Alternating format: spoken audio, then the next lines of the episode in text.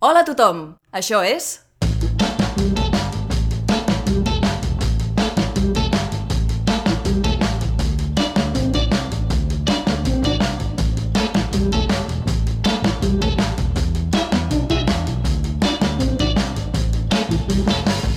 Verícid sulfúric. Hoy en Varicid Sulfuric, el cacareo del amor.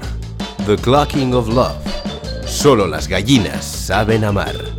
Adaptación radiofónica del relato homónimo escrito y cedido a Varicid Sulfuric por Monse Virgili.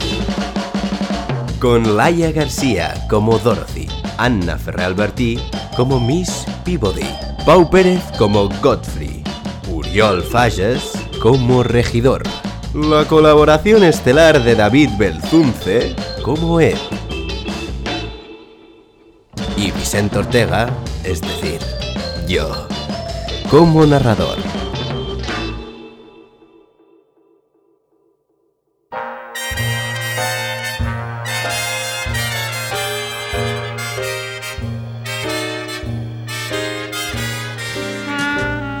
Un homenaje a la screwball comedy y a las guionistas del viejo Hollywood.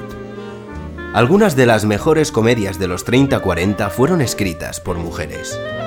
Frances Marion escribió Dinner at Eight de George Cukor. Viña Del Mar se encargó de The Awful Truth de Leo McCarey y el guion de Love on the Run de Van Dyke fue obra de Gladys Herbert. Son solo algunos ejemplos. Otras autoras ni aparecieron en los créditos.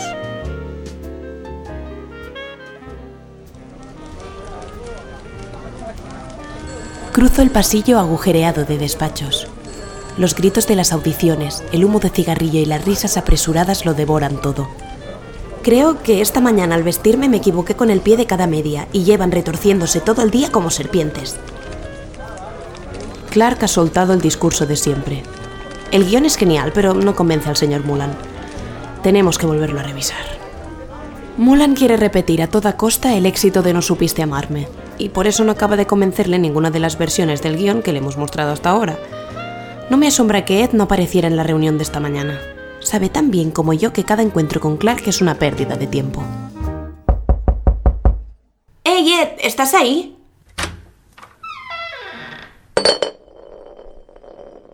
Un vaso de whisky vacío sale rodando de debajo de la mesa de la ventana hasta llegar a mis pies. Es la manera que tiene Ed de darme la bienvenida.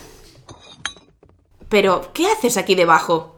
Ed está escondido debajo de la mesa de Woodward, hecho un ovillo. Sin afeitar, ojeroso, con el traje arrugado, huele a whisky y tabaco. A pesar de su estado, no puede reprimir media sonrisa al verme. Repasa todo mi aspecto hasta fijarse en mis piernas. Ay, pensaba que esta vez seríamos felices, querida, pero veo que las cosas se han vuelto a torcer. ¿No es así? La ironía en el rostro de Ed tiene siempre el aspecto de una dentadura perfecta. Me recoloco la costura de las medias enfurruñada y fuerzo una sonrisa. Sí, cariño, pero tú vas a arreglarlo, ¿no?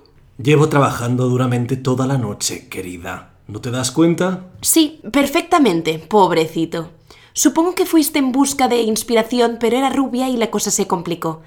¿No es así, querido? Puede ser, aunque ninguna fuente de inspiración es tan deliciosa como tú, querida Dorothy. Ed se levanta de su escondite hasta ponerse frente a mí. Su aliento me despista por unos segundos. Pero ya estoy de vuelta, cariño. Eso es lo que importa, ¿no? He llegado justo a tiempo para sujetarte las medias. ¿Qué formas son estas de darme la bienvenida? Doy un paso atrás. Por un instante dejo de escuchar la perorata de Ed. Mi atención se concentra en la puerta del despacho que ha quedado entreabierta. Un revoltijo de plumas de un color canela brillante se mueve erráticamente en el umbral. Ed, ¿has visto eso? No, ¿qué? Ya sabes que solo tengo ojos para ti. En serio, Ed, mira hacia la puerta. Dorothy, ¿qué te pasa? Te voy a prohibir que bebas whisky por las mañanas. Pero si es el sombrero de la señora Peabody. Ya sabes cómo le gustan los floripondios. Ed, por favor, los sombreros no andan. A pesar de su incredulidad, se acerca hasta la puerta. La abre, y mientras lo hace, no deja de mirarme con aire burlón. De entre sus piernas aparece una gallina con sus andares renqueantes. Dorothy, fíjate. Este es el milagro que estábamos esperando. ¡La gallina de los huevos de oro! Llama a Clark inmediatamente y dile que busque otro par de chiflados para que le escriban el maldito guion. Gallinita, gallinita buena, has venido a salvarnos, ¿no? Contigo vamos a hacernos ricos y acabaremos en Florida tomando daiquiris, ¿no? ¿Pero qué haces, Ed? Déjala. Se habrá escapado de algún plató, de algún anuncio. Preguntémosle a Peabody, ¿no crees? La gallina corresponde a las atenciones de Ed con un cacareo enfermizo. Despeinado, con el traje arrugado, el nudo de la corbata perdida y la gallina en la mano, me resulta imposible mantener la compostura frente a él. Guapa, bonita, vas a poner unos huevos para nosotros, de oro puro, purísimo, ¿me oyes? Para Dorothy y para mí. ¿No es así, gallinita clueca? Déjala, Ed, por Dios. Bueno, no la dejes, sujétala. Voy a ver a Peabody. Ella sabrá de dónde ha salido este bicho. Mientras Ed continúa inmerso en un juego de susurros y confidencias con el animal, yo salgo disparada hacia el pasillo en busca de la secretaria del departamento, la señorita Peabody, una mujer bajita de edad indefinida que se mueve frenéticamente de un lado a otro. Miss Peabody no destaca por ser la mujer más agradable del mundo, pero si durante tantos años los jefes de la Major la tienen ahí organizando todo el batallón de guionistas y los horarios de las decenas de estudios, es por algo. La encuentro de espaldas. Anda concentrada en unos papeles que acaba de sacar de un archivador metálico. Las gafas de cerca le cuelgan del filo de una nariz casi inexistente. Disculpe, señorita Peabody, tengo que consultarle algo. Suéltalo ya, niña, que esta mañana no dispongo de tiempo para tonterías. Ah, disculpe, es que hemos encontrado en nuestro despacho una gallina, ¿sabe? ¿Tiene alguna idea de a quién puede pertenecer? Sí, sí, claro, es del señor Mulan, es su mascota desde hace años. Solo la trae a los estudios los días que firma un contrato. Asegura que la gallina le trae suerte, menudo chiflado. Le quiere más que a su hija. Vamos, aunque tampoco es difícil querer algo más que esa malcriada, porque te voy a contar una cosa. Te voy a contar. La dejo murmurando y huyo del despacho en busca de Ed. Mis medias ya han elegido su camino en la vida y desde luego no coincide para nada con el mío. Cuando regreso al despacho, Ed está sentado frente a la máquina de escribir. Se ha peinado y parece que todo el ajetreo de la noche anterior se haya borrado. Ed, ¿qué haces? ¿Dónde has metido la gallina? ¿No lo ves? Estoy escribiendo.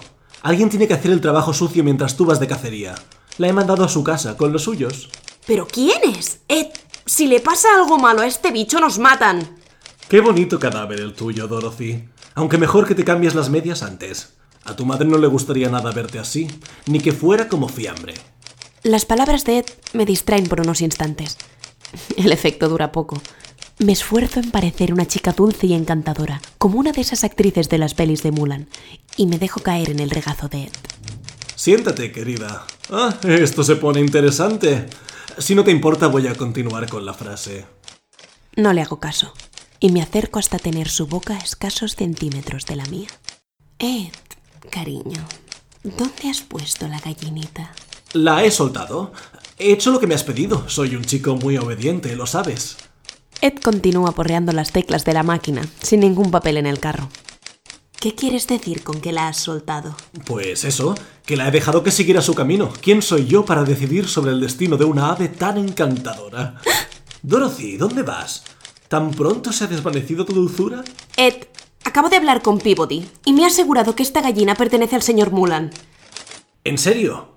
Maldito viejo avaricioso. ¿No tiene bastante con chuparnos la sangre que ahora quiere quedarse con los huevos de oro de esa gallina clueca? No, Ed. Es algo así como su talismán. Se la lleva la firma de todos los contratos porque le trae suerte, según me ha contado Peabody. Ah, pues muy bien. Que monte una granja. Le va a ir mucho mejor. ¿Te vas a encargar tú de ordeñar a las vacas, Ed? Enseguida los dos comprendemos lo absurdo de la situación. No hay tiempo para sacar a relucir nuestras diferencias.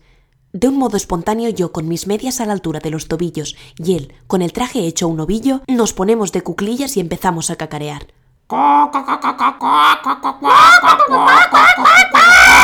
Así no, Dorothy. El coco-coc tiene que ser más gutural. Fíjate en mí. Como si fueras a pronunciar una G. ¿Lo pillas? Si fuera una gallina, con gusto le picotearía la cabeza a Ed. De pronto me doy cuenta del error. Ed, no es así. Queremos encontrarla. Nosotros no somos gallinas. Nada de coco, coco, coco, coco. Para llamarla debemos decir pita, pita, pita, pita. No, no, no. Si no te importa, hermosa, yo prefiero continuar con mi cocoroco.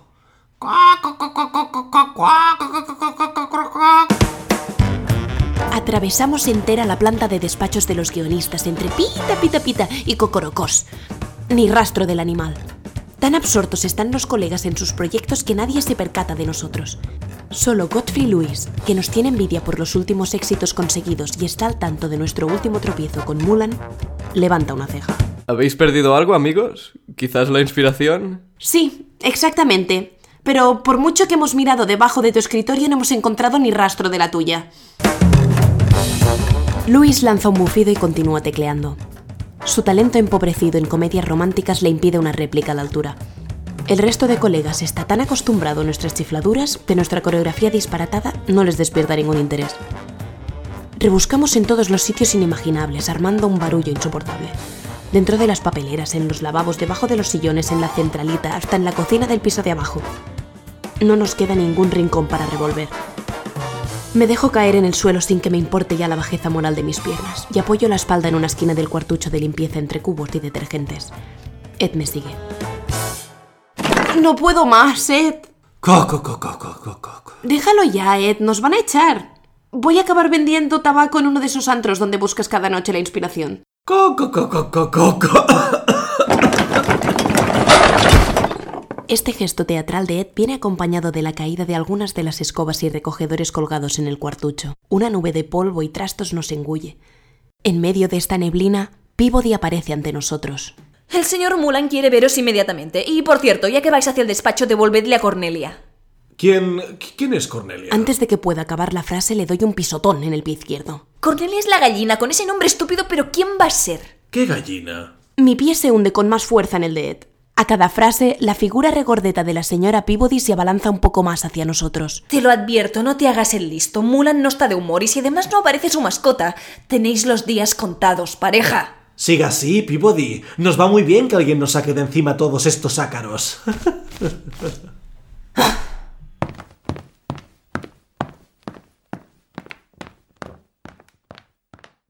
Ed, ya solo nos quedan los platos para buscarla. Siempre he pensado que lo mío es la interpretación, querida. No lo dudo, querido. Por cierto, Dorothy, solo por variar un poco, ¿puedes pisotearme alguna vez el pie derecho? Claro, amorcito, solo tienes que pedírmelo.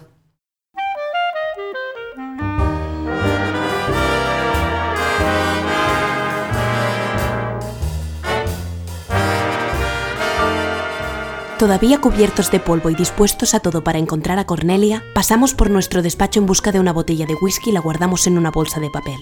Conocemos los gustos de Billy, el portero que permite el acceso a los estudios.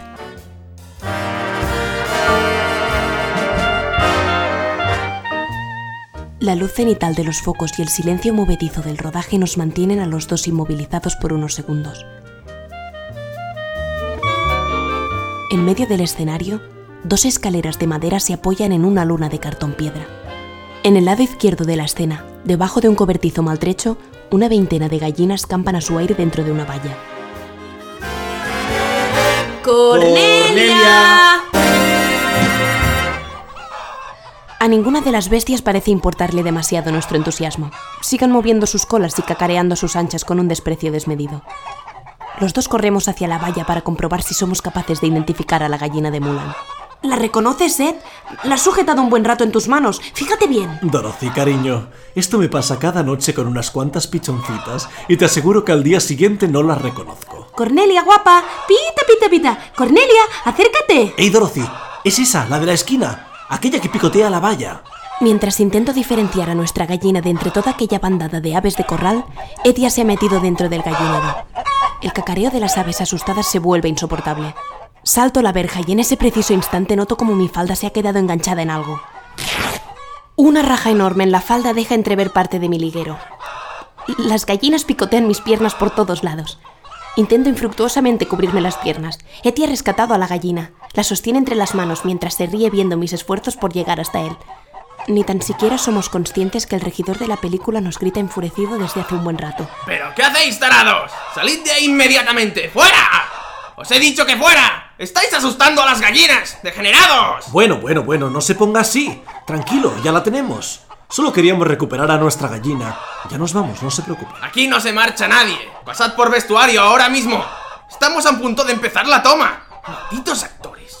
Enseguida Ed y yo nos damos cuenta del malentendido. No hay tiempo para dar explicaciones y tampoco manera de huir del plató, así que con la gallina en las manos de Ed, nos vamos a vestuario y decidimos continuar la farsa. En el camerino encontramos un par de atuendos de granjero. Dejamos la gallina en la bañera del aseo. Él es el más rápido en vestirse.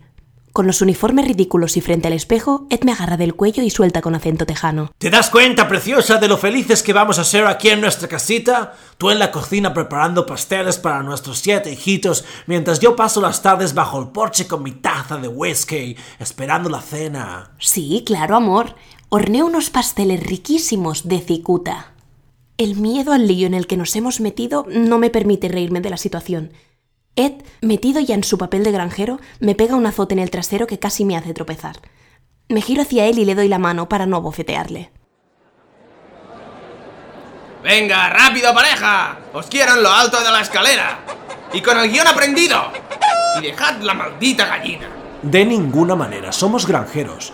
Sin la gallina la escena no tiene sentido, pensaba que había quedado claro. Está bien, no tengo ganas de discutir. Subid con la maldita gallina. El director está a punto de llegar. Subimos cada uno a la cima de una escalera. El vértigo me mata. Agárrate de mi brazo, Dorothy. Se te va a caer la gallina, Ed. Que no, sujétate. De acuerdo. Esto no puede salir bien, Ed. Venga, va. El director ya está aquí. Luces y acción. Toma 757. El cacareo del amor, grita. Qué título más ridículo. El calor de los focos, la altura de la escalera, todo me parece insoportable. Ed pretende mantener la calma, pero las gotas de sudor que resbalan de su frente atestiguan lo contrario. ¿Quieres casarte conmigo, Dorothy?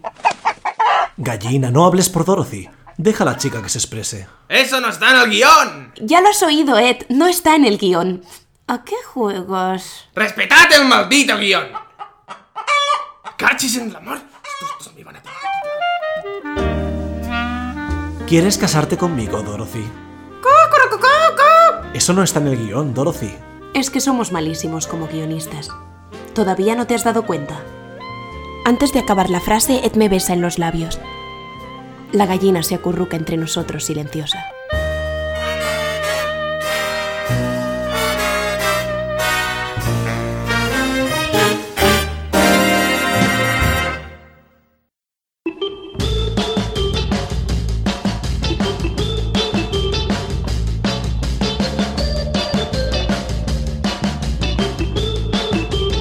Gràcies per escoltar Verícid Sulfúric. Pots trobar totes les novetats a vericitsulfúric.com i a Facebook i a Twitter sota el nom de Verícid Sulfúric.